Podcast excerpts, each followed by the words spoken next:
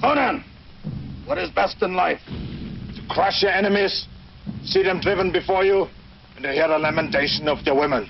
That is good. That is good.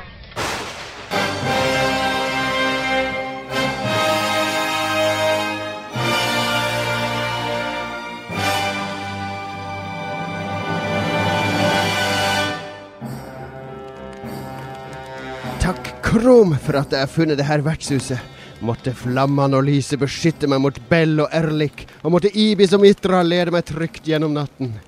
Jon Cato heter jeg, og jeg sitter her mutters alene på et forlatt vertshus i Simeria. Jeg har tent ild i ildstedet og fått varmen tilbake i kroppen, men jeg frykter at dette blir min siste natt. Å, ved Krum! Hvem er det som banker på? Lars, min kjære venn, nebbetet være hyllet. Har du kommet deg gjennom stormen, du òg? Hello! Det var noe satans til noe fisk? Oi, oi. Kom inn, kom inn. Jeg har både grogg og varme til deg. Nei, hvem er det? Hva? Magnus! Magnus, stig på. Har du kommet deg gjennom stormen, du? Og hvordan går det? Har du nyheter fra Stygia? Hvordan går krigen? Dude. Kom igjen. Der. Det stopper alltid der. OK. Du, du vet det jo. Du vet det jo. vet. Det er noen som er låst inne i kjelleren. Jeg låser opp døra. Oi, oi, oi! Jens Erik, er det ditt vertshus? Så kaldt er det, ass. Ja, ja, ja. Uff, uff. Stig på, stig på. Få varmen i kroppen. Jens Erik, ingen kjenner jo Chimeria eller Konan bedre enn deg. Hjertelig velkommen til Lolbua, Jens Erik Waaler. Lolbua 145 er inne her. Eh, Et dramatisk skuespill der. Én av oss fire saboterte. Eh, Jeg kommer til å den fortsette å gjøre det. Er Premie til den lytteren som skjønner hvem som spenner bein for alle forsøk på litt kreativitet og improvisasjon her i Lolbua. mm. Nei, velkommen skal dere være alle tre, eh, og velkommen til deg og kjære lytter. Det er Konan spesial denne eh, uka, fordi eh, ny stor spillansering i Norge, Norge, Conan Exiles fra Funcom. Og vi har fått med Hva er tittelen din, Jens Erik? Du er community manager? Det stemmer. Jeg er community manager for, eh, for, eh, for Funcom på Konan Exiles. Nice. På Konan. Nice. Uh, og det, det ble du Det har ikke vært det så lenge du begynte der i sommer, var det så? Stemmer det. Ansatt fra og med 1. juli, så dette er ca. en uh, halvtårig gig foreløpig. Og måttet, uh, måttet lære en del i løpet av de, i løpet av de seks månedene. Og det har vært, eh, ja, eh, i motsetning til eh, andre steder hvor du kanskje får en svær sånn tjukk blekke med ting, ting du skal vite når du skal jobbe her. Så blir du egentlig bare kasta ut i det når du får jobb i, i Funcom. Det, fikk i hvert fall, det var i hvert fall det som skjedde med meg, da.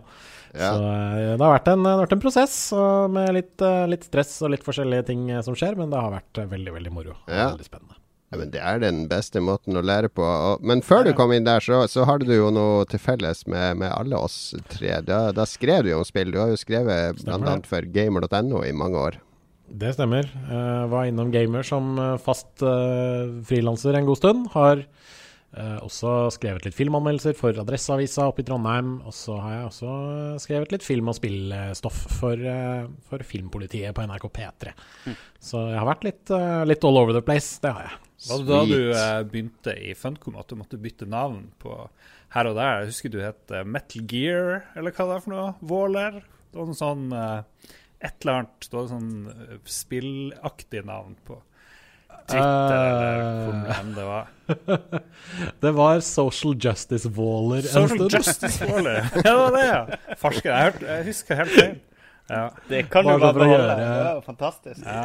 Ja, det var litt for å bare irritere Det var mest for å irritere sånne Gamergate-folk som kanskje tilfeldigvis snublet over, over kontoen min. Ja. Det, er, det er ikke så vanskelig å irritere det, har jeg, har jeg funnet ut. Absolutt ikke. Nei, så til slutt så tenkte jeg at nei, kanskje det er på tide å fjerne dette Social Justice Warrior, nei, Waller-greiene. Men uh, siden Magnus nå sa at jeg burde ha beholdt det, Ja. vurderer jeg kanskje å bringe det tilbake. Social Justice og uh, Metal. Gear helt 100% likt i mitt hode, tydeligvis. Det er, Det er nøyaktig Ja, det, det- samme, vil jeg si. Ja, det er det du forbinder med Metal Gear, det er social justice. Nei, men eh, velkommen skal du være, Jens Erik. Og, og I og med at jeg og du har, har tatt steget over fra ene til andre sida i bransjen, eh, er det mye du har lært nå som, som gjør at uh, du tenker hvordan kunne jeg være så dum for et år? Altså, det er noe helt annet å være involvert i å lage spillene og gi de ut, og se hele det apparatet bak, og alt det arbeidet, ikke minst. Så mye arbeid med å få til ting, og få Ja, herregud, ting, og er teste ting, og lokalisere, og bearbeide, og jobbe Mm. med ting. Det Jeg visste jo, jeg, ja, jeg, jeg visste jo egentlig at uh, spill er vanskelig å lage, og spill tar tid.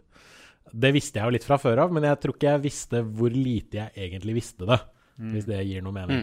Mm. Um, og da jeg, da jeg, jeg Jeg skal ærlig Dette innrømmer jeg egentlig overfor eh, de aller fleste. At da jeg først fikk det tilbudet fra Funcom, så tenkte jeg uh, herregud, hva har de gjort? Um, og så, etter at jeg hadde takket ja til tilbudet, tenkte jeg herregud, hva har jeg gjort?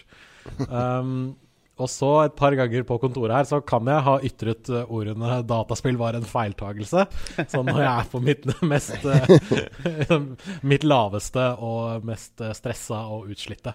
Ja. Så innimellom har det vært noen tanker hvor jeg liksom tenker at ja, kanskje jeg egentlig bare burde ha holdt meg til skriveriene og sånne ting. Men så, så får jeg en god tilbakemelding på sosiale medier, eller folk som sier at de synes uh, Funcom gjør en god jobb med enten med spillet sitt, eller med tilbakemeldinger, eller med alt mulig sånne ting. Og da kjenner jeg at vet du hva, det, det, det, går, ganske, det går greit i denne delen Ja, av bransjen Det er varme, det. Er varme, det. Ja. Veldig. Er det sånn at de verste menneskene er de som oftest gir kommentarer? Altså de som er sånn passe fornøyd og lykkelige med seg sjøl, de, de trenger ikke å bråke så mye på nettet? Altså, vi, vi har diskutert det litt, grann, og det vi på en måte har kommet fram til, er jo det at de som uh, Dette så vi jo da vi lanserte Conan Exiles på mandag. At de som uh, prøver å komme seg inn og umiddelbart har problemer, de er de som legger igjen en negativ kommentar eller anmeldelse på Steam. Og det gjør de veldig veldig fort. Du ser det på noen anmeldelser at de kanskje har, de har kanskje en time i spillet, de har kanskje 0,1 time i spillet. Fordi de støtte på et problem med en gang, og gikk deretter til, til tastaturet og begynte å skrive. Eh, de som liker spillet, de eh, har jo ikke tid til å legge inn en anmeldelse, fordi de faktisk sitter og spiller, Ja, ja. har vi kommet fram til. Jeg syns jo personlig at, at Steam, Steam burde ha en sånn der mulighet for deg som utgiver å si at du kan ikke legge igjen en sånn før du har spilt x timer, kanskje én time, to timer, opptil ti timer. Mange ville sikkert satt den til ti timer, da, men uh, Nei, ja, da hadde jo alle satt 100 timer, da. Nei, nei du kan ha maks ti, du kan ha maks ti timer, da, men eh, de som holder ut eh, Hvis det er skikkelig dritt, så kan jeg vedde på at mange folk kommer til å ha det spillene gående i bakgrunnen i ti timer bare for å legge igjen en tommel ned. Så du slipper ikke unna det uansett, men du slipper i hvert fall de knee jerk-reaksjonene. Etter man. fem Um, minutter med OK, serveren var nede, jeg gir den tommel ned. Ja, men vi har jo også hatt tilfeller av en person som, uh, som til å begynne med la igjen en negativ kommentar og hadde tenkt å be om pengene tilbake. Som etter å ha sett tilbakemeldingene vi ga, og tilbake, altså de tingene vi sa på f.eks. på Steam-forumet, fortalte meg at han uh, kansellerte den uh, refunden fra Steam. Og han trakk tilbake den kommentaren han hadde skrevet om spillet, nettopp slett fordi han hadde lyst til å gi det en ny sjanse. Så det er jo ikke alle der ute som er urimelige, uh, som for så vidt er veldig, veldig fint. Men altså Ja, nei. ehm, Men når det er jeg, open tror alle, access men- jeg, tror alle er, jeg tror alle mennesker er litt sånn, da, at liksom de, de vil at ting skal fungere helt sånn umiddelbart. Og, og hvis de ikke gjør det, så blir de irritert. Men dere er roughly der er roughly et år unna utgivelse, er det ikke det, på, på spillet? Vi antar, eller vi, vi ser for oss nå i hvert fall, at Early Access ikke kommer til å ta mer enn et år. Ja. Og der slapp de i går, ikke sant? Eller Nei, forgårs. På- ja. ja. På mandag. ja. Men, men noe av det som er spennende med, med Early Access, eh, er jo at, at man må se hvordan spillerne spiller det. Så hvis man ser Ja. Oi, spillerne syns det her, så den lille sideaktiviteten Mm. her, er mye, mye kulere enn vi hadde trodd. At man Har dere da tatt høyde for å flytte utvikling, eller kunne ha en såpass dynamisk progresjon fremover at dere kan eh, gjøre spillet bedre på de områdene som dere ser at spillerne liker? Det hjelper veldig at Funcom nå er mye mindre enn det Funcom en gang var. Nå er vi rundt eh, 30-40 stykker som jobber med Conan Exiles. Og det gjør at vi veldig fort kan tilpasse oss til hva spillerne forteller oss, og hva vi ser selv spillerne synes er liksom de, de kuleste greiene ved spillet. Da. Så hvis alle bare løper rundt og teabagger hele tida, så blir kona en veldig sånn. Ja, men det, det gjør de allerede, så Ja, hvem sin idé var det her med kuken? Det vil jeg vite. Hvor, Ja, vi hvem er den ikke- kukfikserte eh, utvikleren hos dere? uh, altså, jeg kan Jeg vet Altså, i Konans univers, altså i Konans bøker og alt mulig sånne ting, så er det jo veldig mye hud og nakenhet og alt mulig sånne ting. Og det er jo nesten noe man må ha med for å, for å kunne representere denne verdenen riktig. Eh, den som var mest pådriver for at eh, skal vi kalle det kukfysik, kukfysikken fungerte riktig, det var uh, uh, vår, um, vår character designer, eller character artist, uh, Jenny Sarrinen, som eh, var veldig på det at nei, nei, dette her må fungere helt, helt 100 helt riktig. Ja, så bra. Og jeg husker, jeg husker mens ting fortsatt var under utvikling Altså, ting er jo fortsatt under utvikling, men før vi slapp til Early Access, så var det på et tidspunkt en bug på, uh, under character creation på penisene som førte til at mens fyren hang der på det der korset, når du skal lage deg en uh, figur, og du hadde satt på uh, nakenhet, så var penisen hans uh, påvirket av vinden som liksom blåste i håret hans. da. Så da hadde du en svær sånn veldig sånn bøff, uh, grøff, barbar-type fyr som hang på et kors med en penis som sto rett til venstre. Som, som en vimpel. Yes. Det har jo fått sykt mye eh, reaksjoner, den der penisgreieren og pupper og sånne ting. Var det noe man hadde forventa, eller har det blitt litt mer enn du trodde? Ja, det var jo for så vidt det. Vi regna jo med at det er noe folk kommer til å se og tenke 'Å, herregud', øh», ikke sant. Um, og vi ville, at det var, vi ville også at, at det var noe spillerne skulle oppdage selv. Jeg Så tror vi vi spille, ikke- den gamle spilljournalisten i meg tenker at eh, penisen skal overskygge alle bugsene. Ja, det er akkurat derfor. Det er et, eh, det er et bevisst uh, verktøy for å holde folk eh, eh, For å er distrahere fra bugsene. eh, Det er derfor, det er derfor Steam-forumet vårt kun snakker om peniser, og ikke det faktum at de innimellom pro har problemer med å komme seg inn på serverne. Jeg så Det på er et Twitch genialt i. Jeg så på Twitch i går på en av de mer profilerte streamerne, han ItMeJP, som har en finger med i veldig mye som skjer der. Han har også et sånn en penis med i veldig mye som skjer der. Det har han også. uh, men han har et eget sånn Dungeons and Dragons-show som de kjører, hvor de livestreamer Dungeons and Dragons. Og jeg så midt i, mens de satt og spilte det i går, så var det en som bare brøt gjennom og sa ja, men kan vi bare snakke om noe annet litt nå? Uh, og tok opp dette med den der skinnhelligheten blant eh, amerikanere i forhold til nagenhet. Uh, satt opp mot eh, eh, banning og vold og sånt, og de brukte konaen som eksempel, da. og og de, de snakka om konaen bare sånn De brøyde opp liksom rollespillinga si i- sikkert i 20 minutter og bare snakka om eh, pga. på grunn av den lille detaljen der. Så Og jeg, har sett det dukke opp overalt. Jeg, jeg mener, All spillpresse har jo snakka om det, og det er jo ikke så lenge til mainstream-pressa også kommer til å hente det frem. Du så det jo med mm. Konan Online. Med, eh, der var det jo nagne bryster som skapte i sin tid masse Age of Konan, ja. Mm. Ja, Age of Conan. Så eh, Nei, det, det, fun det funker jo. Det er en kjempebra taktikk. Drømmen må jo være at nå, disse, nå som Trump driver og gjør abort ulovlig og skal kristne hele USA, at, at han drar fram Han begynner å tweetre, tweete om, tweetre om Conan Exiles og skal forby spillet i USA, så alle amerikanske gamere får panikk. Og da sikrer seg det på Early Access før det blir forbudt. Det er jo det er den langsiktige PR-planen her, har jeg skjønt.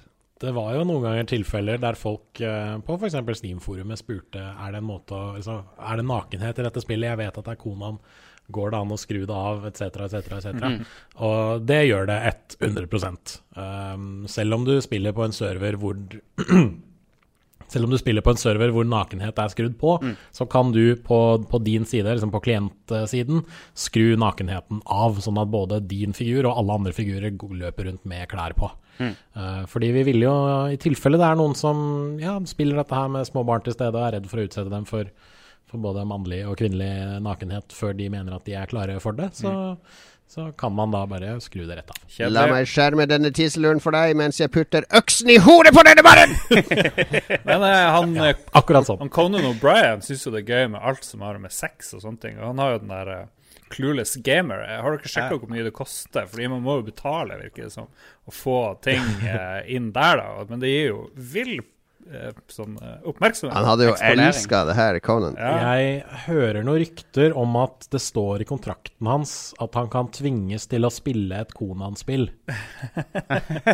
Altså gratis. Ja. Dette, er, dette er noe jeg bare Ja, har lest på internett. Så for all det, alt jeg vet, så kan det være helt, helt uh, falske ry- rykter. Men uh, det, det er visstnok en greie i kontrakten hans, sånn at han kunne bruke dette Konan-navnet. Ja. Så uh, hvis, hvis det stemmer, så kanskje vi kan få dette til en eller annen gang. Uh, men da, da tror jeg kanskje vi må være litt lenger ute i Early Jeg var, Access. jeg var så dum at jeg ikke tenkte på at han heter Konan, og spillet heter Konan. Ja, ja, ja. Ja. De, de roleplay-folka, de, de måtte inn spesifisere De måtte skille mellom Conan O'Brien og Conan, som Yes. var eh, barbaren. Så nå kaller de han Conan. Du, kan jeg, kan jeg spørre om eh, For det, jeg har lagt merke til at eh, nesten samtlige profilerte Twitch-streamere spiller Conan for tida.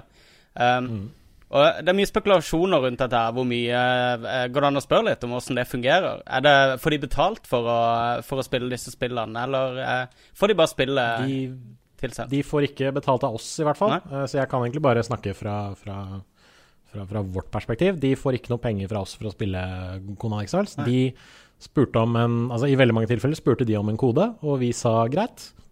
Her er en kode. Mm. Uh, uh, noen av dem valgte vi ut på forhånd. Altså at de spurte ikke, men vi kom til dem Ja. og sa bare rett ut Her er en kode vi hadde syntes det vært kult hvis du spilte spillet vårt. Uh, Lyric, for eksempel, som er den største Twitch-streameren i verden akkurat nå, med antall followers, han var en av de. Han, han ga vi en kode og spurte kunne du tenke deg å prøve å spille dette her. Det er et eh, survival-spill i Early Access etc., etc., etc. Og han, eh, ja, han satte seg ned og begynte å spille, og slutta egentlig aldri. Jeg tror han er på sin tredje dag med Konan-spilling i dag, og har spilt Jeg ser du følger kompisen hans, en shorty guy, som, eh, som spiller sammen med Yes. Lyric nå. Og jeg tror de gutta har spilt sånn i seks-syv timer hver dag. Ja. Jeg vet også om noen streamers som, som begynte noen 24-timers streams i det vi ga dem koder, og det er jo kjempekult. Det var noe døgn Og vi har jo Ja, herregud. Og vi har jo også på flere tidspunkt vært det mest sette spillet på Twitch. Det er imponerende. Det at vi klarer å slå League of Legends og Dota. Dota, og Hearthstone og alle de andre greiene der, Ja. det er helt sinnssykt. Det er det faktisk. Det er sweet. Det- vi skal, så vi- eh, Det ja. så jeg aldri for meg kom til å skje. Nei, men Det må være en god følelse. Gratulerer så mye til deg og, og Funcom. Vi skal høre på litt musikk, og så skal uh, lytterne våre ha sendt inn noen spørsmål om Konan. Vi har lest gjennom det, det har ikke Jens Erik, så vi får håpe det ikke er for grove spørsmål som kommer. Uh, vi skal ta noen lytterspørsmål om Konan, og så blir det litt spillnyheter vi skal diskutere. Så kan Jens Erik få leke god gammel spilljournalist igjen. Uh, Mm. Vi skal snakke litt om hva vi har spilt i det siste. Jens Erik, det er ikke lov å si konene. Og så skal vi til slutt ha ukens anbefaling, der vi anbefaler noe annet enn spill. Der vi prøver å spre litt positivitet og glede inn i hverdagen til folk. Gi de underholdning, produkter de kan omfavne og få glede i hverdagen av.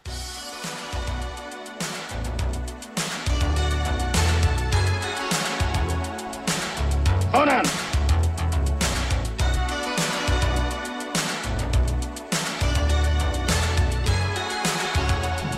Best in life?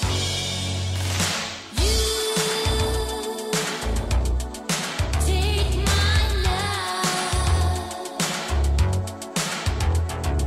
You Crush your enemies.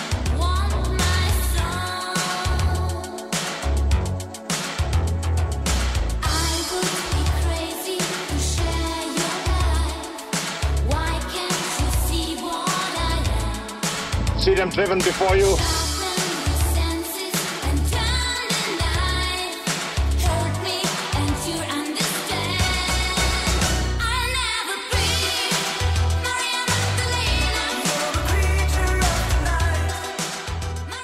Da kommer vi inn igjen. Jeg glemte jo å spørre om det viktigste, Jens Erik. For jeg husker jo når Age of Conan ble lansert.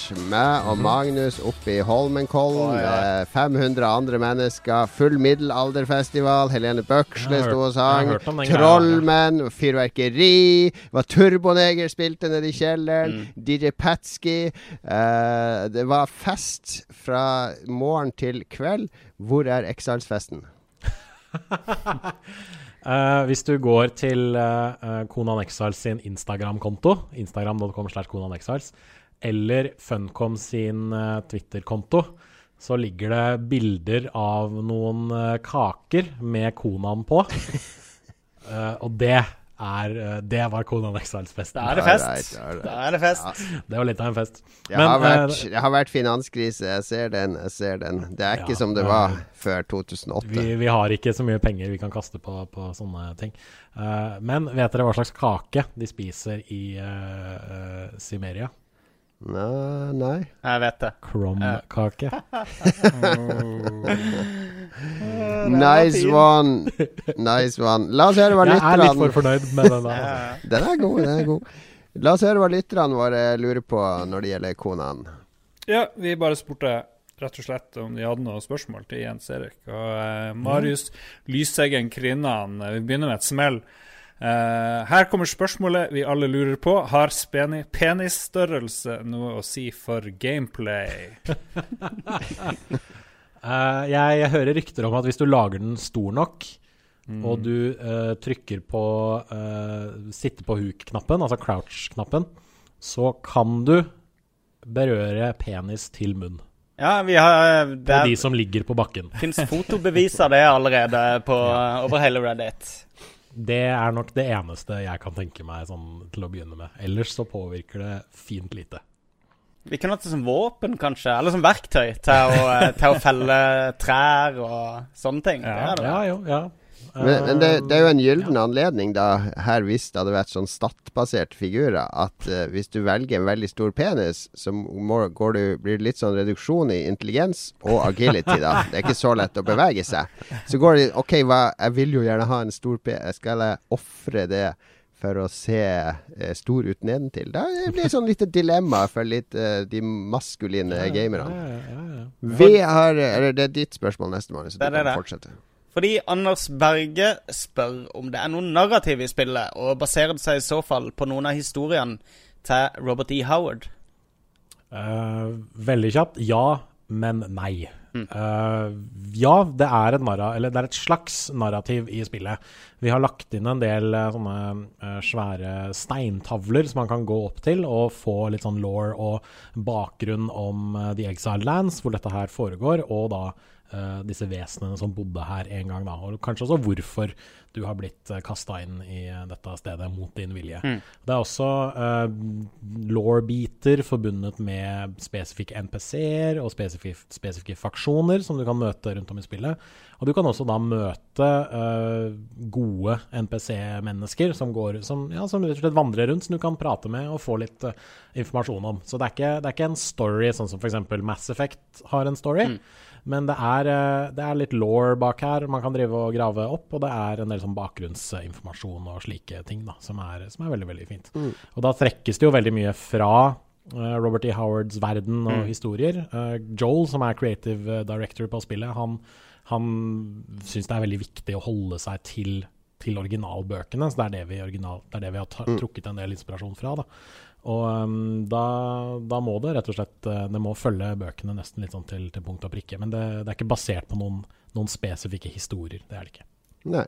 Ja. Det er jo eh, Altså, greia med survival-spill òg, uansett Daisy, Rust eller whatever, er jo at det er jo de historiene som oppstår når du spiller med andre spillere, eller mot Ja. andre spillere, som er de virkelig kule historiene. Så nesten uansett hvilket narrativ man hadde hatt, så hadde vel det Jo, blitt overskygd, kanskje. men det er jo liksom et, et, et ganske etablert univers. Så um, jeg har møtt på en del NPC-er som jeg har kunnet prate med, og noen har til og med lært bort skills og sånne ting, som har vært veldig Ja. kult. De, de lærer bort litt ulike recipes og slike ting. Ja. Mm. Så, eh, og så dreper jeg dem, og så tar jeg menneskekjøttet av kroppen deres, og så går jeg og spiser det. Um, men eh, det er en veldig kul måte å liksom å kontrollere litt det universet. At de på en måte er litt som veivisere i et og eh, dette at du finner lapper rundt omkring med, med Altså, det må jeg si er temmelig bra voice acting på opplesing av de uh, forskjellige law-beatene og Jeg kan komme med en liten fun fact. Da, at uh, I ca. et halvt år så var jeg en av voice acterne i spillet. Ja, riktig. What?! Fordi vi måtte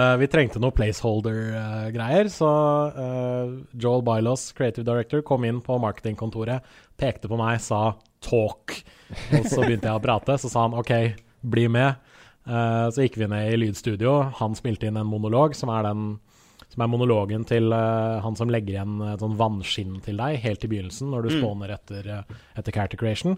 Og jeg skulle da være stemmen til han stakkaren som blir spist av en bat demon jo litt lenger inn Litt i lenger i spillet. Ja, riktig. Yes. Så han som sier 'God's curse the sandstorm', det var meg i ca. et halvt år. Ja, spennende. Og så plutselig en dag så stikker Joel eh, hodet inn på kontoret vårt igjen, så sier han ja, nå, nå skal jeg ned og ta opp han som skal erstatte deg, sier han. Og da sank det litt i deg. Da ble du litt ja, da lei sank det deg. litt inni meg, jeg gjorde det. Men jeg har fått høre fra et par stykker da, at de syntes min voiceover var bedre enn han nye. Måtte du rett inn og redigere CV-en? Å nei. Ja. Fjerde voice actor. Interim voice. LinkedIn-kontoen din, og alt ble redigert. Ok. Morten Østad han har tre spørsmål. Vi kan ta de kjappe rekkefølge. Du kan svare kjapt på hvert. Hvorfor kan det virke som om dere har funnet nøkkelen? Nøk nøkkelen til, til hva? Ja, til suksess, vil jeg jo tro. At, jeg tror han, Kanskje han syns at det ser ut som dere har f klart å la, finne en survival-formel som funker. Nei, det Spør du meg, så spør jeg deg, holdt jeg på å si. Eh, jeg, tror det, jeg tror det har litt med at vi tilbyr noe nytt gjennom dette med, med disse vennlige NPC-ene du kan snakke med, det at det er litt law og historie her, det at dette også er et etablert uh, fiksjonsunivers som lar oss trekke inn en del kule ting. Um, jeg tror også det hjelper at vi kan uh, Altså, vi, vi, har et større fokus på Altså på nærkamp enn det en del andre spill av denne typen har. Ja. Sånn som i Ark og Rust og sånne type ting, så handler det egentlig bare om å komme seg kjappest nok til skytevåpen. Og så eller dinosaurene, for den saks skyld, i Ark sitt tilfelle. Og så kan du egentlig bare dominere alt sammen. Eh, men her handler det mer om å gå, liksom, gå rett på med skjold og sverd, eller skjold og øks, eller øks og dolk, eller hva du nå foretrekker. Og bare gå, gå rett på og gå opp i trynet til motstander, rett og slett. Han, Eh, han, uh, lurer, neste- ja. han lurer også på hvor mye det har kosta, hvor mye det kommer. Er det jo fremtidige utgifter? Men det vet ikke om Dere er på børs og sånn, jeg vet ikke hva det, det kan vel ikke si så mye om det. Jeg kan nok ikke si så veldig mye om eh, det. Det kan jeg nok ikke. Det har kosta blod og tårer. si eh, han snakker vel Jeg kan si at det koster 30 dollar på Steam. Ja, riktig. jeg si. Jeg tror kanskje det er det han lurer på, nemlig. Og fremtidige utgifter. Altså om det kommer til å bli noe eh, eh, Noe sånne in game Dyrere purchases eller noe sånt. eh, har dere noen planer om en sånn finansieringsplan? Ingen uh, mikrotransaksjoner, ikke noe uh, abonnementsavgift eller noen sånne ting. Nei. Det er eh, du kjøper spillet én gang, ferdig. Kristine Halvorsen spør om det hey. er sant at Conan Exiles er basert på livet til Jens Erik. Og så lurer hun også på om hvordan det er å gå fra den ene til den andre sida av spillindustrien. Som du har vært litt inne på. Uh, ja. Kristina kjenner jeg jo. Hei, Kristina. Ja, hun jobber for meg, så jeg håper hun ikke har skrevet inn det spørsmålet her i arbeidstida. ja, du, får, eh, du får gå og banke på døra hennes i morgen bare Ja, Ehm, Det er nok eh, ikke det, men jeg liker å tro at eh, det kanskje innimellom er litt sånn inspirasjon av eh, fra meg også, fra, fra mitt liv. Men eh, nei, det er nok ikke det, altså. Uh, ellers, nei, jeg nevnte jo litt hvordan det var. Da. Det var uh, litt uh, rart, selvfølgelig. Men uh, akkurat som alle overganger i livet. Men så blir man jo sakte, men sikkert vant eh, til det. Og mm. et par ting er jo veldig likt, da. Fordi da jeg var eh, spillskribent, så var det jo også folk som kjeftet på meg over internett. Og det er det jo folk som gjør ennå. Så liksom Ja. den biten er ganske lik, da. Men hva, hva, er, hva er mest hata? Spilljournalister eller spillutviklere? Oi. Eller for å si det på en annen måte, Jens Erik. eh, Har du mer eller mindre respekt for spillpressen nå?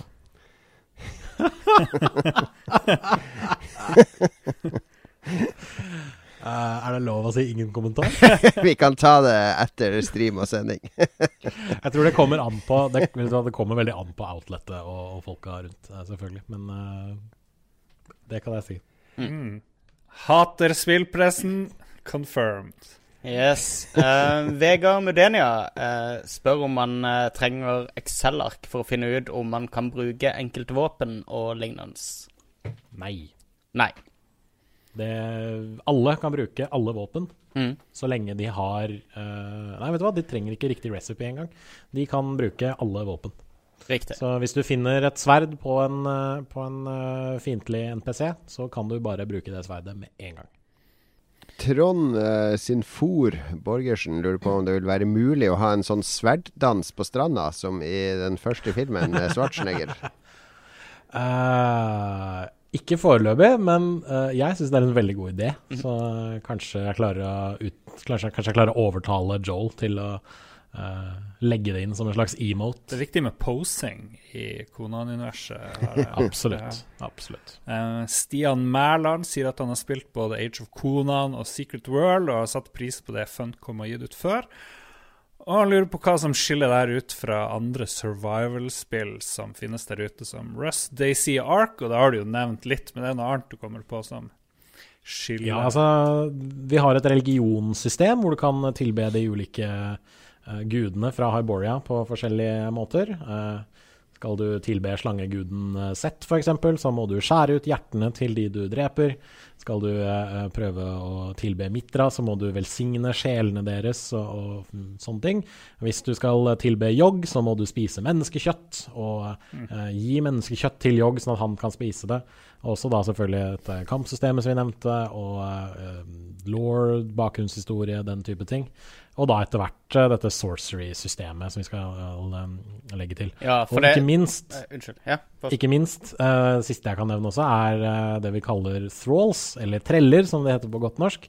Hvor du kan eh, klubbe en uh, fiendtlig menneske-NPC i hodet, binde et bein rundt føttene deres, dra dem tilbake til basen din, stappe dem inn i noe som vi kaller the wheel of pain. eh, Konan-filmreferanse der. Og rett og slett eh, eh, gjøre dem til dine slaver, som kan gjøre ting for deg. De kan være bueskyttere og stå og beskytte basen din. De kan eh, være eh, De kan stå ved crafting-stasjonene dine, så du kan rett og slett fange en, en fiendtlig eh, fiendtlig smed og få han til å lage bedre våpen for deg, f.eks. Uh, du kan også tvinge dem til å være danserne dine, altså underholdere Oi, oi. I, eh, i basen din. Og dette bidrar med å fjerne noe som vi kaller corruption, som du får på deg når du, ut, når du går og utforsker um, ja, huler og templer og alt mulig sånne ting som du finner ute i exiled eh, lands. Tvinge folk til å danse, det høres ut som noe jeg kunne brukt en hel dag på. Det høres utrolig gøy Ja, det, og det er litt forskjellige typer dansegreier vi har mocappa også. Vi, på en av streamene våre så er det bl.a. noe sånn hallingdans à la Frikar på, eh, Frikar på scenen med Alexander Rybak. Og det er litt, sånn, ja, litt forskjellige kule ting du kan finne der. Det var noen som snakka om eh, at eh, siden slaver I Idet du har da broken them down, som det heter i spillet, eh, og du eier de som slaver, så blir de til gjenstander som du kan gi til hverandre og eventuelt da selge til andre. Så det var, det var en påstand da om at eh, på disse RP-serverne så kommer det raskt til å bli slavehandel kommer til å bli en, eh, en stor business for veldig mange. Altså, Vi har ennå ikke noe økonomisystem, men altså, herregud, hvis du vil bytte en eh, danserinne mot et par sverd, så klarer du sikkert å finne ut et eller annet system for å gjøre det med en annen spiller. Yes, det tror jeg du skal klare. Eh, Sean Anders Risengryn eh, spør eh, når en bør selge Funcom-aksjene sine. Han spør for en venn. Og så kan vi ta med at Ja. Lolbitbite spør om han bør kjøpe Funcom-aksjer. Det er jo veldig sånn aksje... Som, eh, så, som nyansatt i et firma, hvis eh, tre-fire tidligere sjefer uh, nå har blitt eh, Har vært under en svær rettssak med sikte for eh, innsidehandel, så velger jeg å si ingen kommentar. Gi oss litt informasjon om den rettssaken, Jens Erik. Jeg er god jeg er god å tolke ansiktsuttrykk, så jeg ser nå at det Jan Erik egentlig sier, det er kjøp aksjer akkurat nå, selg de om to timer etter du har kjøpt de. Men så Så at eh, handelen av Funcom-aksjer har gått i været de siste dagene. Det var mer, mer den enn Statoil i dag. Ja. Oi. Oi, oi, Det er jo artig. Ja, men jeg tror det var mange som kjøpte masse aksjer før, og så venta de at ja, ja, så går det opp før lansering, og så går det ned etter lansering. Men nå så er det litt sånn Jeg lurer på om de som solgte like før lansering, jeg tror de, hvis de gjorde det, da, så tror jeg de er litt skuffa. Kanskje. Da har de tapt masse penger. Jeg har, fått noen, eh, jeg har fått noen meldinger på Twitter og andre ting eh, fra folk som eh, tidligere har sagt at eh, de solgte aksjene sine rett før The Secret World eller rett før Age of Conan og var veldig fornøyd med det. Ja. Og nå vurderer de igjen å kjøpe uh, aksjer før Conan Exiles. Jeg har eh, valgt å bare ignorere de meldingene Ja, ja, ja. ikke skrive noe tilbake. Det er sikkert lurt. Det var det våre lyttere hadde. Vi eh, Jeg ble i hvert fall enda mer nysgjerrig. Jeg har ikke fått prøvd det ennå, Jens Erik. Men jeg har eh, min sønn på, som er snart 16. Han satt og spilte det i går i halvannen time.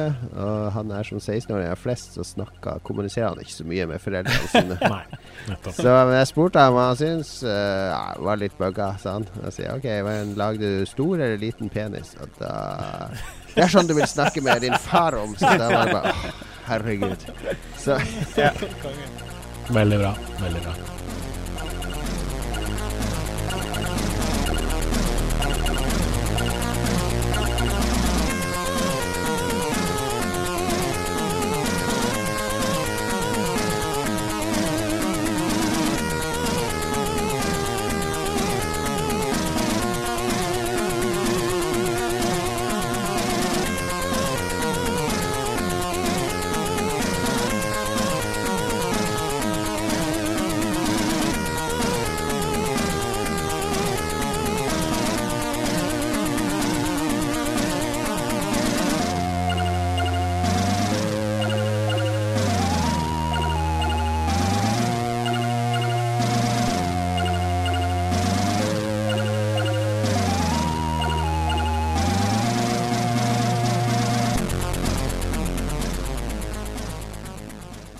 Der er vi tilbake etter nok en uh, låt fra uh, Er det bare Konan-låta du spiller i dag, uh, Lars?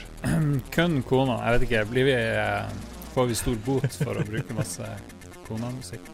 Vi spør aldri om lov. Dere, dere må nesten spørre Knut av Venstrup Haugen for akkurat det. Vi ignorerer fullstendig det.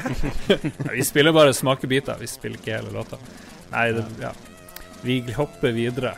Hopper glatt Vi videre. hopper videre. Det er nyhetsspalten, og det er vår eh, Fox News-anker eh, Magnus som leder oss gjennom det. Eh, vi har fått eh, et par eh, mm, Fire nyheter fra en av lytterne våre. Jeg vet ikke om du vil ta alle, eller om du vil velge ut to av de. Jo, jeg kan godt velge ut to, jeg. Kjør på!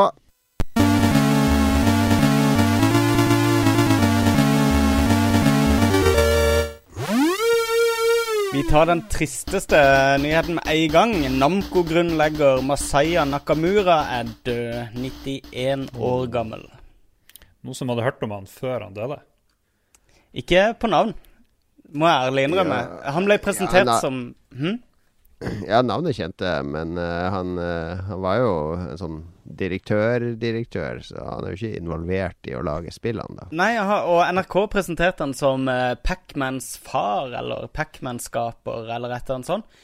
Og det kom liksom frem etter hvert litt sånn diffust i artikkelen at eh, han var med og gjorde det mulig for Pac-Man å bli shippa fordi han var sjef i publisher-selskapet da det ble lagd. Han, han ansatte uh, Pac-Man-skaperen, Ja. det gjorde han. Og så var det også han som foreslo at det kunne hete At figuren kunne hete Pac-Man, fordi han sa pakka, pakka, pakka, pakka, pakka, pakka, pakka. I stedet for Puckman. Eller er det en myte? Eller, eller Pucka. Ja, det, det tror jeg er en like stor myte som den pizzaen. Jeg vet ikke. Ja. At han er basert på en pizza. Det er han jo ikke. Men eh, nei, han st- starta nå selskapet, og de holder på fortsatt å, å lage spill. Selv om de er sammen med Bandai. De har jo Dark Souls, og gjør det jo bra for tida. Mm. Er det ikke et nytt Tekken-spill på vei ut snart? Og Det, det er vel dem? Ja, det så bra ut Mm. eh, i forhold til Street Fighter-fadesen i fjor. Så ser det ut som mm. at det skal bli, eh, bli veldig bra. Så, så Men han er 91 år, ikke sant? Så der er det liksom sånn OK, du har gjort en god jobb, og hvil i Mm. fred. Det er ikke noe sånn der Oh my God! Den personen som, uh, som fortalte meg den nyheten, uh, sa feil spill og sa at det var Donkey Kong-skaperen som var død. det, var, det var litt mer sånn Hæ? Det var Det er litt mer dramatisk. Ja, det var kjempe Men han var har jo runda 70 nå, han Miyamoto. Ja, så. men det er jo ingenting. Han Går har han inn på din Deadpool-liste? Du har jo en ledig plass, Jon Cato. på- Jeg har fylt opp den ledige plassen. Hva er på den ledige plassen? Det har ikke jeg fått med meg. Lou Reed falt ut, for han var allerede død. Det var ingen regler om det. Jeg har uh, Antoni Rosato. Hvem er det? Hva var det? Hvem er det? Tony Rosato?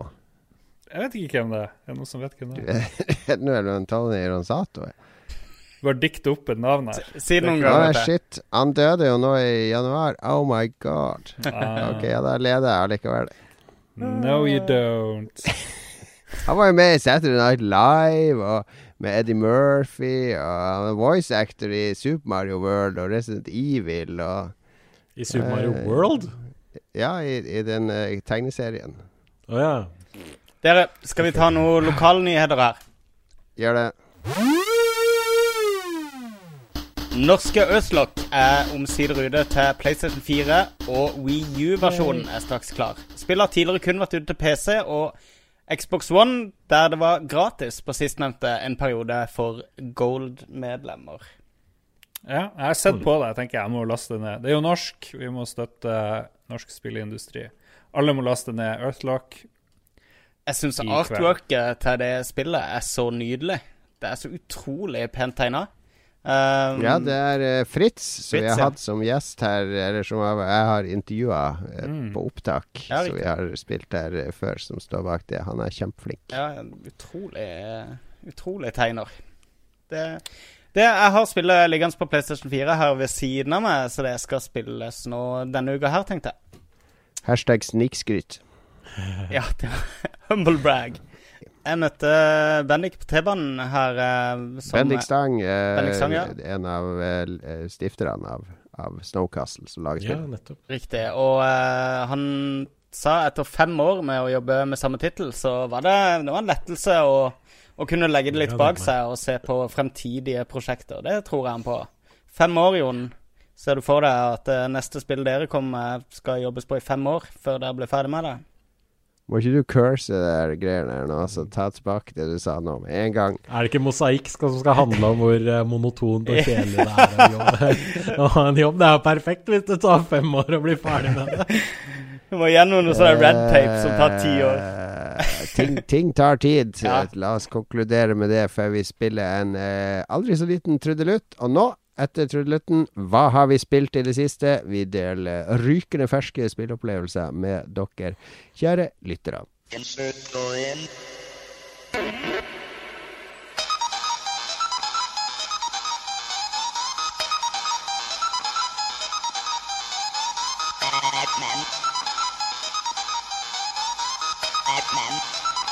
Ipan na yan yan.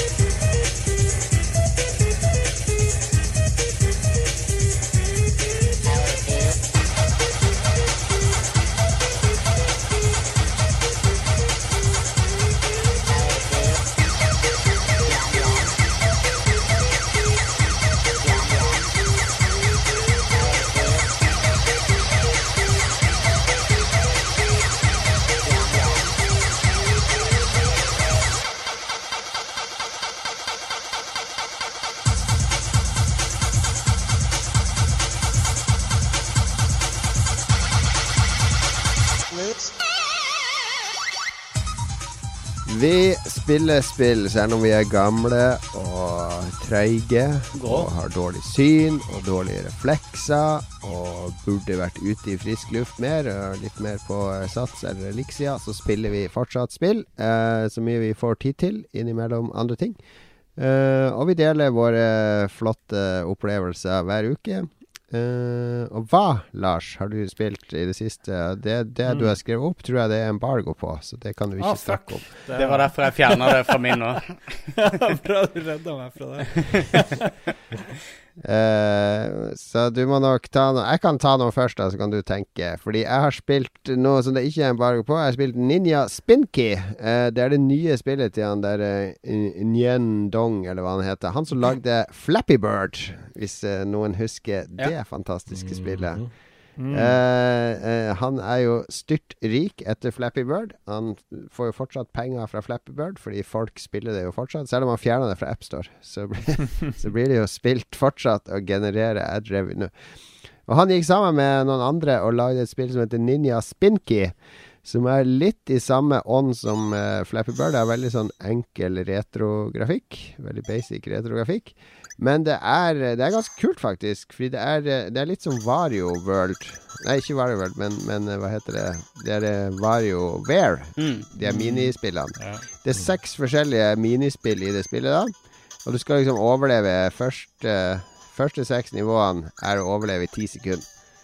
Så eh, det ene er bare katter som hopper bortover skjermen, så må du gå under dem når de hopper over det. Og det andre skal du hoppe over frukt, og skal du unngå noen kanonkuler. Og veldig, du skal kaste ninjastjerne på en på blinka. Veldig, veldig enkel. Den er veldig kjapp, da. Som nettopp mobilspill skal være. Men så når du kommer til level 7 til eh, 12, så må du overleve i 20 sekunder, og så er vanskelighetsgraden litt større. Eller litt høyere. Og så når du kommer til neste leveler, så er va- vanskelighetsgraden enda høyere. Du må fortsatt overleve i 20 sekunder. Og så tror jeg når du har gjort alle de, så er det sånn endless mode, selvfølgelig.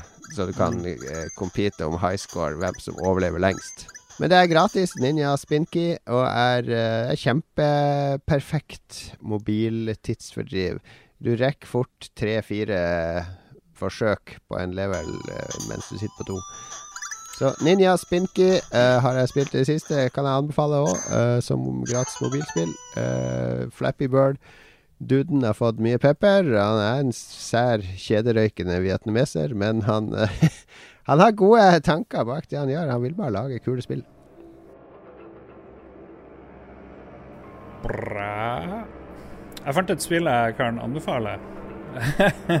Ja. Det er sykt bra at du husker at jeg ikke måtte bli svartelista av uh, hvem nå enn det er som gir rutespillet. Jeg har i hvert fall kjørt på med der Enter the Gungeon, som jo var gratis. Eller nei, det var kanskje er ikke gratis. Jeg lasta ned på PS4 og har aldri spilt før, men min gode venn Mats Rindal Johansen, eh, som vi lager litt Let's Plays med og sånt, ofte gjest, eh, sa at det her måtte jeg absolutt spille. Og det er jo en eh, rogue-like. Um, litt pussig. Jeg spilte både det og eh, jeg begynte på nytt på det her, eh, det her Afterbirth og Rebirth og de her eh, Binding of Isaac. Uh, foreløpig så foretrekker jeg Enter the Gungeon, uh, som er ganske smooth. Mye skyting, mye veldig kule levels, masse items å finne, utrolig mye forskjellige pistoler og hidden shit all over the place. Men uh, de låner jo veldig. De ligner jo ganske mye, de her eh, nye De er veldig, veldig like. Ja. Jeg, jeg er motsatt av deg. Jeg foretrekker faktisk Binding of Isaac over Enter the Gungeon. Men Mm. det kan ha noe med at jeg kun har spilt Enter the Gungeon i ti timer, mens jeg har spilt Ja. Binding of Isaac i 170 timer. Ja, det spørs. Det, jeg kan godt tenke meg at det er, kan være forskjell i longevity på det der, men det er litt sånn lettere å, Yes. å, å hoppe inn i det her Enter the Gungeon. Det blir mer forklart, kanskje. Du kan gå og se absolutt. på beskrivelse av alle items, selv om det ikke forklarer nøyaktig hva det er. Fordi menyene i Binding of Isaac er jo ganske sparsommelige. Det er ikke noe Ja. Det forklarer svært lite.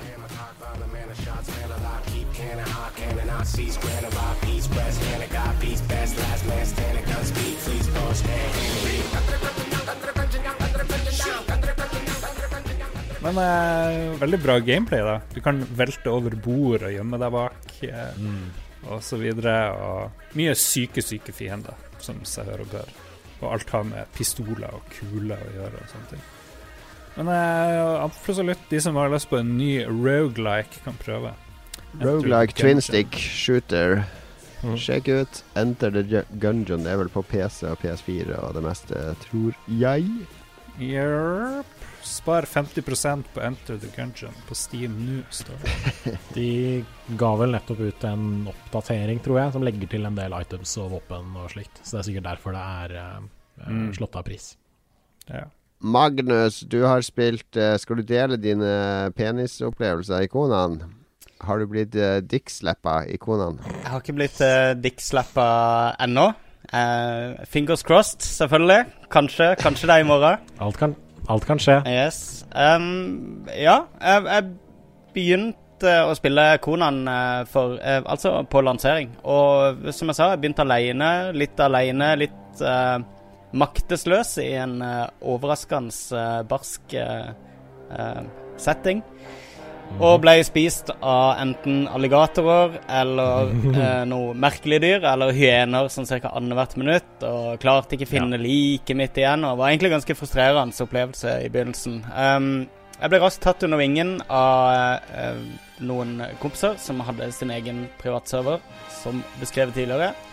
Og fikk litt eh, innføring i, bare i de generelle. For de hadde allerede selvfølgelig døgna seg inn i spillet da jeg hooka opp med de. Um, det, jeg, jeg, spiller jo jeg spiller Overwatch hver dag. Uh, Mm. et, et veldig raskt, frenetisk, farverikt uh, uh, Alt annet enn Conan Exiles, egentlig, spill. Så for meg så tok det litt tid å, å liksom få pulsen ned på det nivået du trenger å være på i Konan for å liksom At du, du kommer inn i en slags sånn Jeg, jeg ser, jeg, jeg ser veldig sjarmen med det, og jeg, det var veldig behagelig når jeg klarte liksom å puste med maven da, og eh, Kombinere en litt sånn send-setting med å gå rundt og samle, samle eh, ressurser, bygge ting, lage ting, ut igjen på eh, forskjellige innsankinger osv. Som sagt så jeg blir likevel litt rastløs i den type spill. Jeg tror, jeg tror jeg hadde hatt mer igjen for litt raskere progresjon på, som jeg snakka om, på eh, XP mm. og, og skills, kanskje. For å, for å få muligheten til å favne mer om kartet raskere, da. Men jeg trives veldig med det. Det er, det er selvfølgelig Early Access, og det, det skriker Early Access foreløpig. Og de, de som blir overraska over det, ja, har jeg ingen, ingen sympati med. Hvis du kjøper deg inn på spillet, du, du må forberede deg på en Det er et uferdig spill, men det er nok av ting å ta tak i allerede. Og du vil sikkert ha mye igjen for det i um, ukene som kommer, da, etter hvert som det kommer mer og mer innhold i det. Så generelt tror jeg må være for å kunne snakke om det, basert på min egen erfaring med Ja, ja, ja. sjangeren, som er ganske tynn. Ja, bra. Nei, da, er det det server? Er det sånn at alle er sånn ren PVE-server? Nei, nei, dette er en PVP. PVP? Det er en Ja. PVP-server, men uh, vi eh, Det er vel maks 20 stykk der, og vi er stort sett bare en Jeg tror det er fire stykker stort sett logga på den serveren, så jeg har sett at de veldig populerte serverne gjerne legger litt og sånn, men det gjør det jo hos oss. Der går det jo silkemykt, så det anbefales. Det har vært noen litt sånn problemer med det folk kaller rubber banding. Det at Ja. det virker som om ting henger litt i strikk. Og vi har eh, Vi pusha ut to patcher i går Mm. for, å, for å ta tak i noen av de problemene. Og vi pusher ut en eh, Jeg mener det ble pusha ut en patch i dag, og det skal, det skal patches så mye som overhodet mulig for å liksom fikse de store kritiske problemene. Det var litt serverproblemer i går også, så det var vanskelig å finne Ja. private servere og sånt. Stemmer. Eh, ting, Det skal også ha blitt, eh, også ha blitt fiksa. Ja, en ting jeg brukte halvannen time på å finne ut av, og dette er et tips til de av våre lyttere som eh, eventuelt eh, opplever det samme. Hvis du ved å velge en privatserver havner rett ut i oppstartsmenyen, så betyr det at eh, serveren sannsynligvis ikke er patcha til, til nyeste patch, men Ja. at ditt spill er patcha til nyeste patch, og at de derfor ikke snakker sammen. Så da må serveren resettes og patches før, eh, før du vil ha muligheten til å gå inn på den. Godt tips, godt tips. Jens Erik, har du hatt tid til å spille noe i det hele tatt i det siste som ikke er Konan? uh, jeg har faktisk ikke hatt tid til å spille så jævla mye Konan heller, for jeg har jo hatt uh, Jeg har jo hatt opp til øra i e-poster og alt mulig andre Ja. ting. Jeg tror i innboksen min nå på jobb så har jeg uh, 860 uleste e-poster fra fredag. Ja.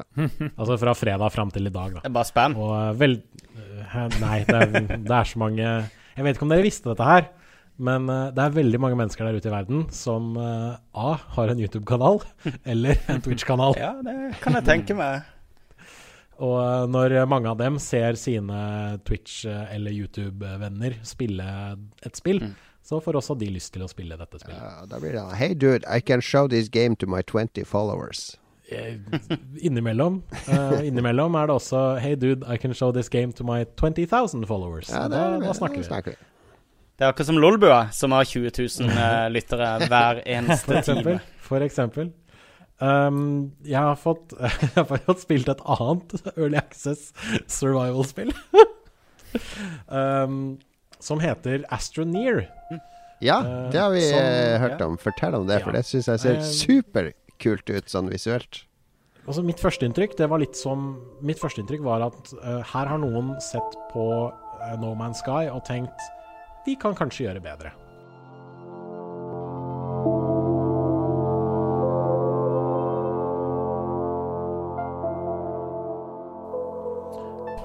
Men i motsetning til altså, altså Akkurat som i, i No Man's Sky, så starter du nede på en eh, planet. Det er liksom bare deg og romskipet du landa der eh, med. Og så skal du egentlig bare begynne å uh, samle sammen ressurser, så, ressurser som uh, uh, hjelper deg med å overleve på ulikt vis. Men i motsetning til No Man's Sky så handler det ikke om å ta av fra planeten og skulle utforske et helt solsystem og galakser og alt mulig sånne ting.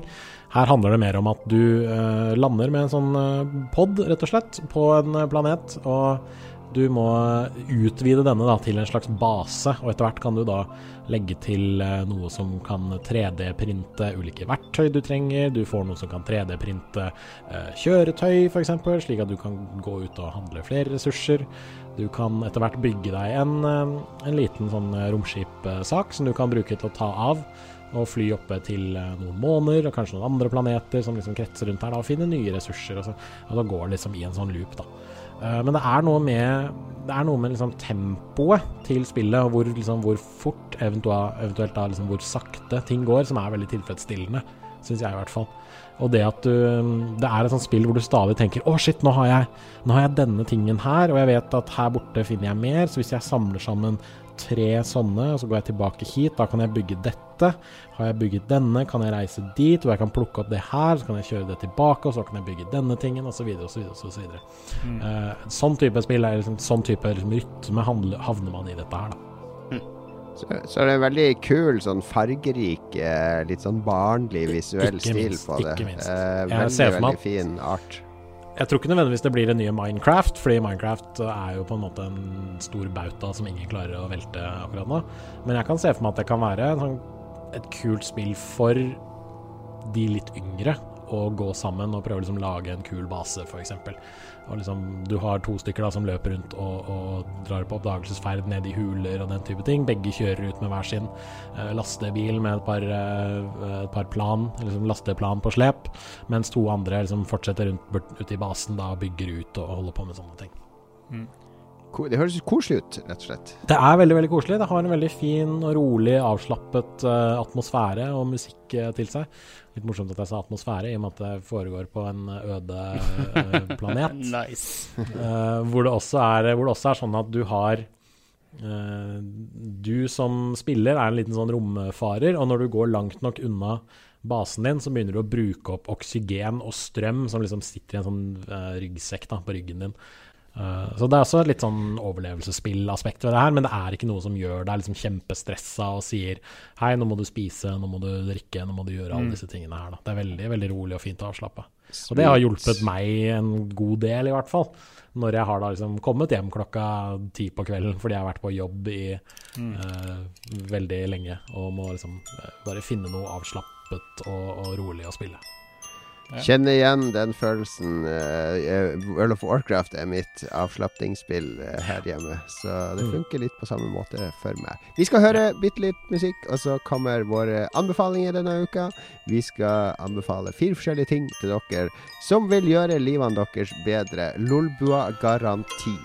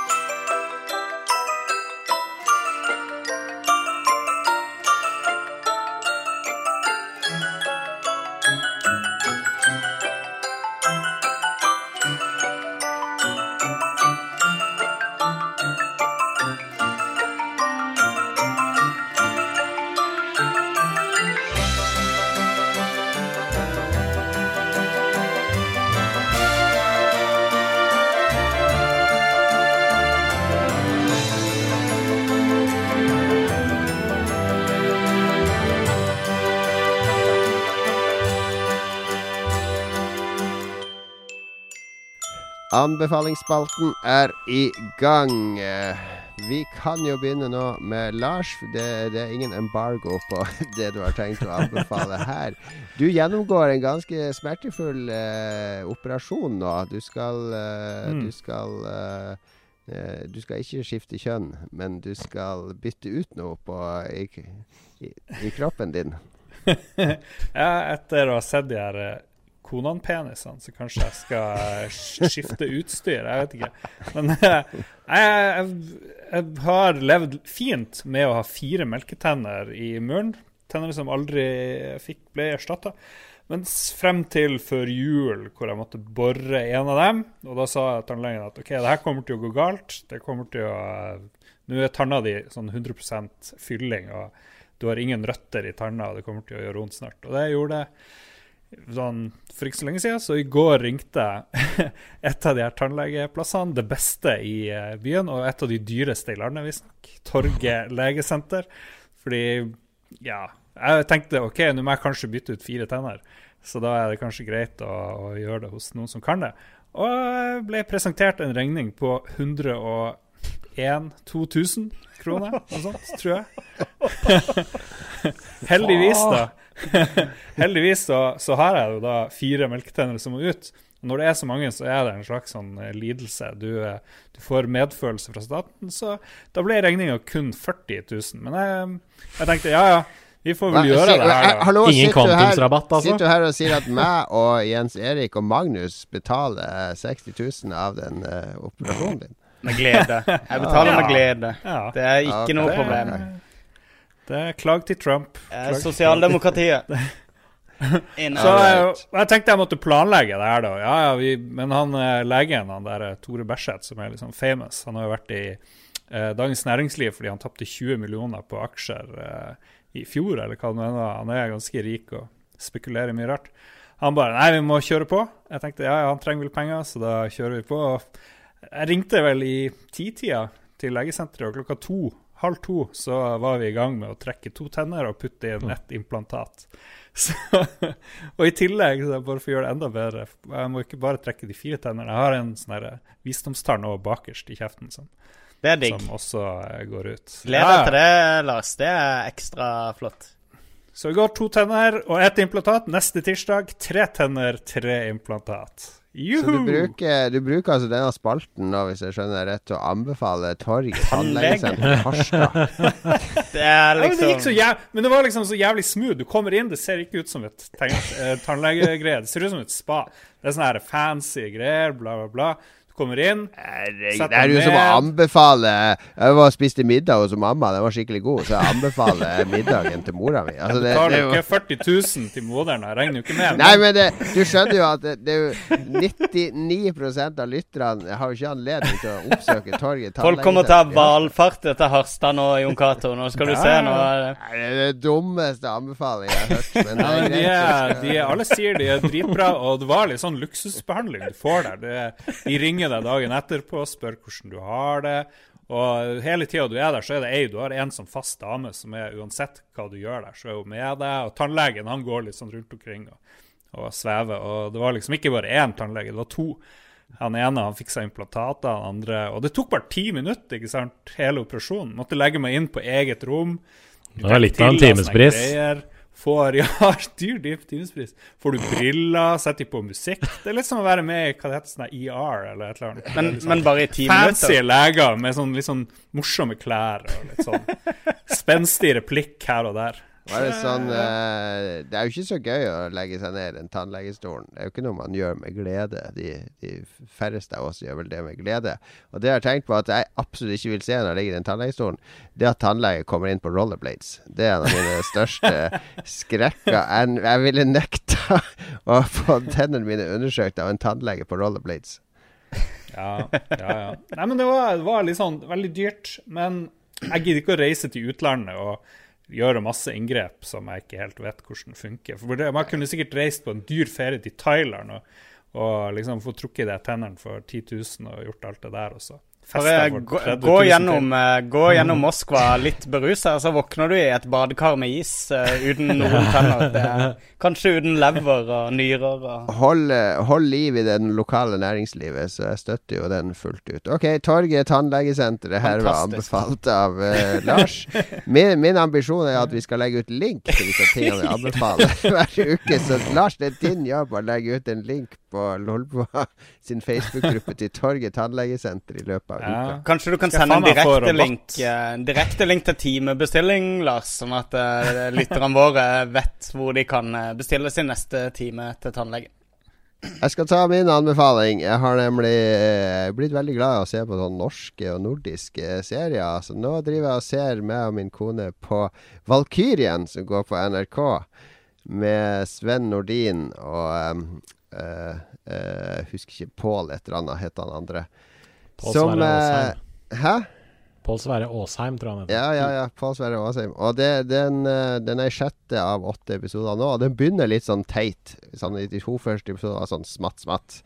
Vet ikke helt om det her funker. Fordi det handler om Sven Nordin er en sånn lege, forsker, da, og kona hans var òg lege og forsker. Og hun hadde fått en sånn sykdom som ikke kunne kureres. Og så drev de og jobba med å finne en kur til den. Eh, og så klarte de ikke det, altså hun liksom daua. Men egentlig så har han i samarbeid med han her Pål Sverreduden, som er sånn mega konspirasjonsteoretiker og survivalist, eh, har laga sånn lab på Valkyrien T-banestasjon i Oslo. Den nedlagte T-banestasjonen mellom Nationaltheatret og Majorstua. Mest Så urealistiske handlinger. Ja, men hør da, hør da, hør da. Det er veldig urealistisk. Så inni bak der så har han sånn lab der han driver og forsker, og kona ligger liksom i, i kunstig koma med, med masse apparater rundt seg. Og han er helt sånn der besatt av å prøve å redde henne. Dere kan holde på med forskninga deres så mye dere vil. Jeg bryr meg ikke om hva dere holder på med, og så skal ikke dere spørre meg om hva jeg driver med. Til gjengjeld, for gjestfrihet, skal dere gjøre noen småjobber for meg. Hva slags jobber er det? Kikke på noen pasienter som jeg skaffer, og dere behandler her nede i klinikken. Dette er en medisinsk avgjørelse. Du kan ikke bare komme inn og bestemme det her. Uh, og han der Paul er en av de beste Det er vel, for det første ekstremt bra. Det beste norske skuespillerprestasjonen jeg har sett i en serie. Det her, alle de, og det er bikarakterene som kommer inn nå. Det er en sånn bankraner på flukt som kommer inn og bor der. Det, det er over the top handlinga i forhold til hva du forventer av norsk. Eh, Sånn mammon og sånne gørrkjedelige greier som prøver å være være sånn, Det må jo være realistisk. Men, Men kan det her Sven spille i det hele tatt? Ja, det er sånn. han er Ja, ja, ja. dritbra i den serien. Han er superintens. Han har jeg sett på Nationaltheatret òg. Han er kjempeflink skuespiller. Men, men eh, den blir bare bedre og bedre, den serien. Eh, masse sånn sidehistorier med han der bankraneren og, og ting som skjer der under, og flere som kommer inn. Og de driver og løper ut og inn av den Valkyrien TV-stasjonen hele tida, og, og, og han han konspirasjonsteoretikeren han er, han han er bare så sinnssykt kul, for han sitter på nettet hver natt og poster ut sånne avhandlinger om hvordan jorda kommer til å gå under, og hva som skal til. og alle de her teoriene vi leser om for en hårfin balanse det er, og med politikken og, og med naturkatastrofer, og hva som skal til for å overleve. Og det er masse sånn beksvart humor i den serien òg. Men eh, jeg er blitt skikkelig glad i det nå, da. Og det er sånn Jeg hadde svelgt premisset Ofte når du ser norsk, så blir det sånn ah, uff, Det er urealistisk. Men hadde det her foregått i f.eks. Los Angeles, med amerikanske skuespillere, hadde jeg svelt, Jeg kjøpt premisset med en gang.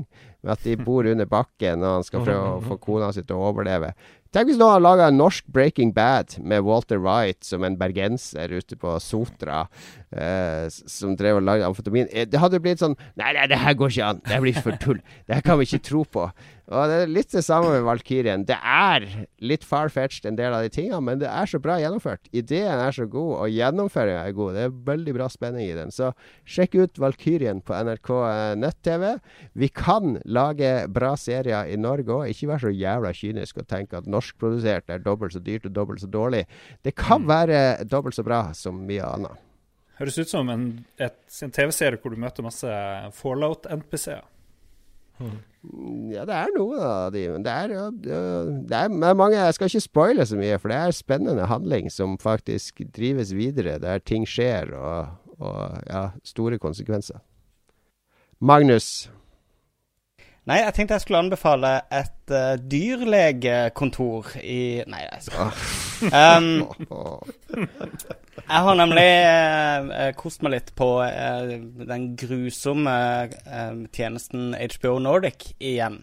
De har nemlig uh, uh, kjøpt inn en FX-serie som jeg tror har gått veldig mange hus forbi, og som umiddelbart ser ut som en serie en ikke er så veldig interessert i.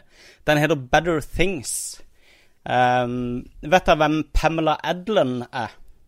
Ja, Ja, du vet hvem det er? Eh, det vet jeg. Eh, hun fra Californication? Riktig. Jeg er storforbruker av eh, King of the Hill. Yes, det er jo sønnen i King of the Hill, ja. Riktig. Yes, Hun er stemmen til guttungen i familien. Ja, hun er jo en utrolig mye brukt stemmeskuespiller. Jeg så når jeg gikk gjennom lista over ting hun har vært i. Hun har faktisk spilt i en del dataspill også, blant annet det Yep. opprinnelige Fallout hadde hun en stemme i, og Final Fantasy 10-2 og ja, litt forskjellig. Um, Jeg digger hun som skuespiller. Hun har, jeg har alltid digga hun. Fantastisk skuespiller, men nå har hun omsider fått sin egen serie. Den er co-creata sammen med Louis C.K. Sånn, eh, så det er skrevet og regissert Eller det er skrevet av eh, hun eh, Adlon og Louis C.K., og det er regissert av Louis C.K. Så det er en slags uh, eh, De som liker Louis uh, det, er, det er en slags Louis konvertert til Pamela Adlons uh, eh, personlighet. da.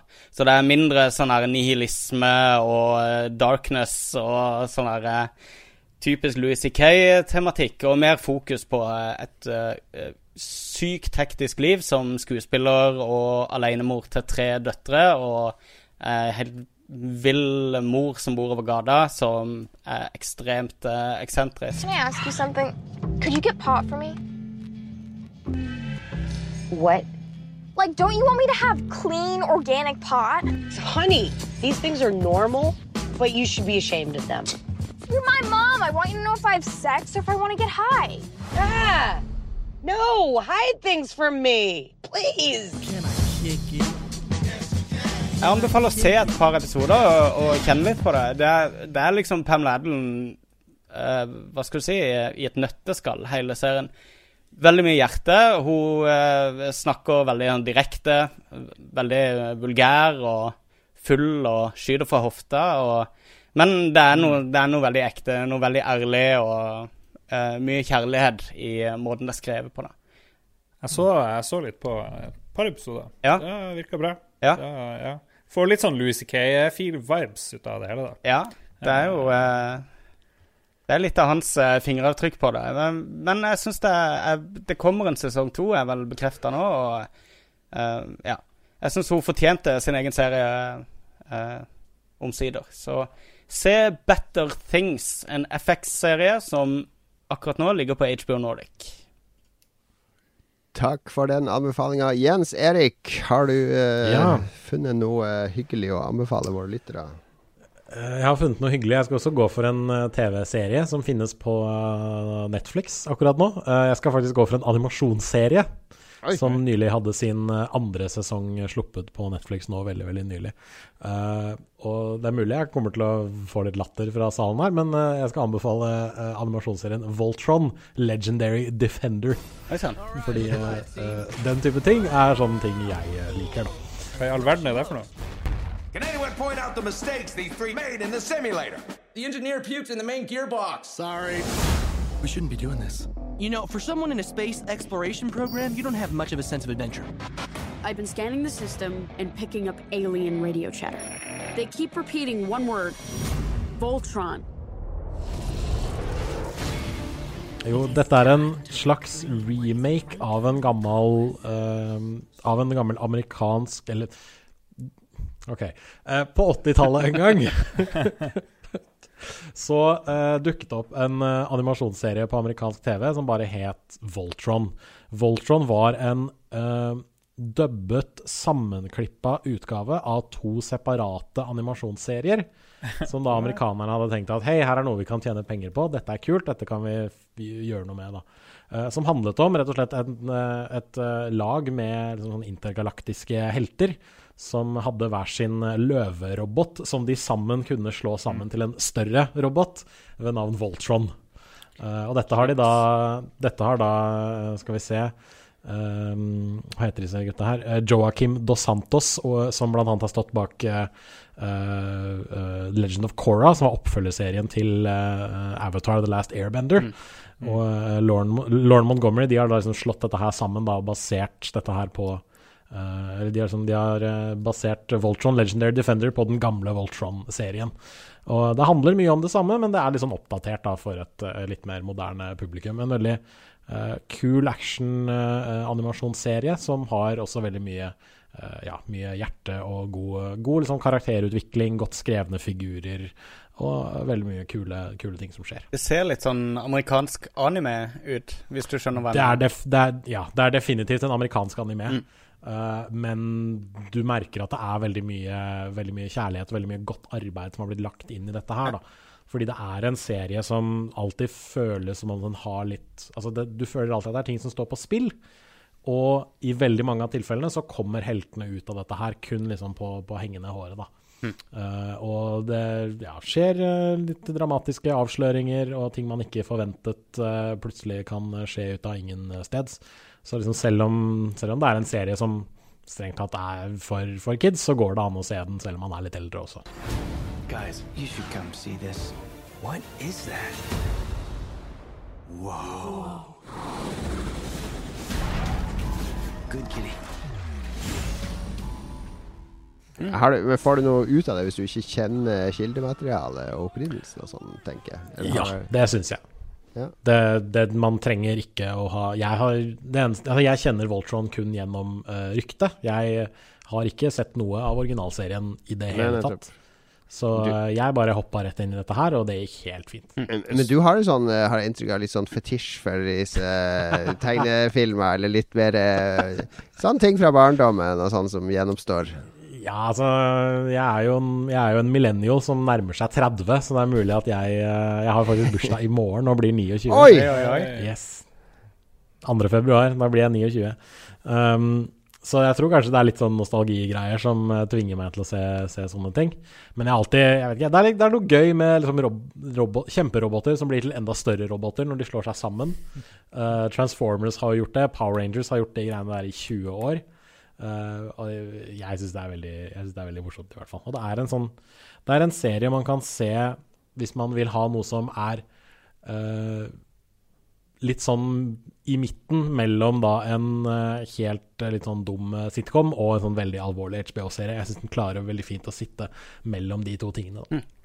Det står på Switch. Wikipedia at uh, de her amerikanerne som fusjonerte de her to seriene, de hadde ingen måte å oversette hva som ble sagt på i det her greiene. Så de bare gjetta hva det handla om. Tidlig japansk dubbing, Ja, ja, ja. tidlig dubbing fra japansk var jo ofte sånn. Fantastisk. Kjør på. Bare si noe. All right. Med det tipset eh, Voltron eh, Hva kalte du det? Voltron eh, Legendary Defender. Legendary Defender på Netflix, så am avslutter vi uh, Lolbua for denne gangen. Tusen takk til Jens Erik for at du eh, tok det, din dyrebare fritid, som det antagelig er nå, med 800 mail i innboksen. Eh, eh, Dyrebare overtid, tror jeg vi kaller det. til å snakke med oss og, og dele litt av eh, erfaringene rundt Conan, og eh, hvordan det har gått på lanseringa. Vi ønsker jo all lykke til videre med Conan. Det har jo så vidt begynt. Lanseringa er jo bare startskuddet. Eh, Den, ja, som jeg skrev på Twitter på mandag, at nå er den enkle delen ferdig. Ja, nå, eh, nå, nå er kappløpet i gang. arbeidet. Yes. Ja. ja. men det blir morsomt å følge med på, og eh, vi krysser fingrene for eh, dere borte på Skøyen der. Tusen takk. Vi er tilbake neste uke med episode 146. Eh, da skal jeg Jeg skal prøve litt Switch i helga, så da skal jeg dele litt inntrykk av hvordan Nintendo Switch er å teste. Og så finner vi sikkert på noe annet òg før den tid. Følg med på lolbua.no, uh, Facebook-sida vår, Twitter osv. osv. Og og sjekk ut Conan Exiles. Og kom på min og Magnus sin quiz i Oslo på tirsdag. Gjør det. Der har jeg hørt rykter fra Jens Erik om at vi får noen koder å gi bort til eh, Conan. Så er du en eh, Har du smalt budsjett? Mange har det, og, men har lyst til å sjekke ut kodene, så kanskje kan du klare å vinne Har du smalt budsjett og høy kunnskap om uh, dataspill? Det er, eh, det, er, det er faktisk en korrelasjon der mellom dårlig budsjett og høy kunnskap om dataspill. ja. altså, jeg tror det eller ei. All right, vi takker for oss. Eh, Vi ses, høres snart igjen. Ha det bra. Ja, vi har det. That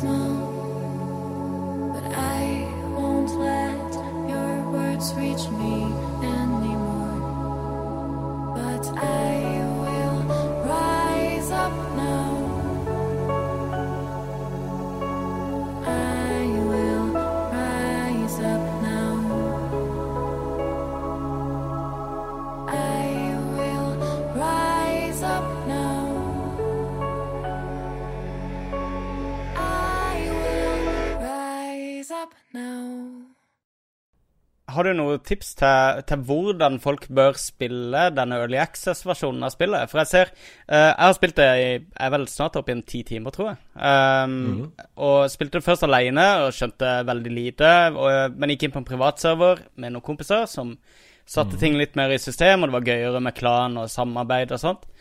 Men de har liksom satt seg på å gjøre alt i Altså, det er normal XP og normal progresjon. Altså, ting Ja. går veldig seint. Jeg, jeg mener at eh, når, når en spiller på Early Access, at kanskje det går an å speede opp ting litt og, og bruke tida på å eksperimentere. Har dere sett for deg noe, noe sånt? Altså, vi har mulighet for å skru opp alle sånne ting i serversettingene. Mm. Så hvis du er admin for en privat server, så er det egentlig bare å gå inn og kjøre opp eh, XP-rate og se hva som skjer, rett og slett. Um, Personlig så tenker jeg at hvis du er en liten gruppe med et par folk eh, som løper rundt og finner ut av ting sjøl, så er nok det den beste måten å spille det på. Mm. Uh, for uh, det, kan, det kan kanskje bli litt ensomt å skulle løpe rundt uh, aleine, tenker jeg. Uh, og vi har jo sett på dette her hele tiden som et multiplayer-spill. Um, innholdet er det samme om du spiller med andre eller ikke, men det kan jo da uh, Altså, visse ting er ment å uh, Ment å bli lagd som en gruppe og taklet som en gruppe.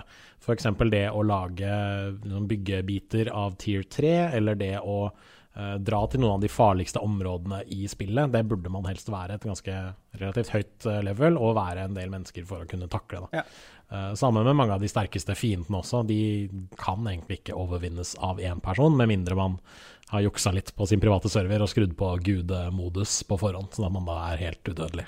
Helt på tampen, eh, hva kan folk eh, vente seg av nye elementer i spillet i månedene som kommer? Um, Thrall-systemet skal utvides. Det skal legges til flere Altså sånn I det store bildet da, skal Thrall-systemet utvides. Det skal legge til flere uh, guder. Det skal uh, introduseres uh, temming og mount, så man har noe å ri på. Um, det skal introduseres et system for å farge klær. Det skal introduseres Skal vi se Etter hvert så skal det introduseres beleiringsvåpen, typ trebucheter og den type ting. Og litt, litt sånn diverse quality of life-justeringer og sånt noe da, som, som må legges til etter hvert. Og da selvfølgelig mer eh, Ja, eh, det skal legges til et par flere biomes. Det skal legges til litt sånne ja, dungeons-type ting, da, hvor du kan eh, løpe inn og uh, finne, finne litt lut på, på slutten. Har du et enkeltpersonforetak eller en liten bedrift? Da er du sikkert lei av å høre meg snakke om hvor enkelt det er med kvitteringer og bilag i fiken, så vi eh, gir oss her, vi. Fordi vi liker enkelt. Fiken superenkelt regnskap.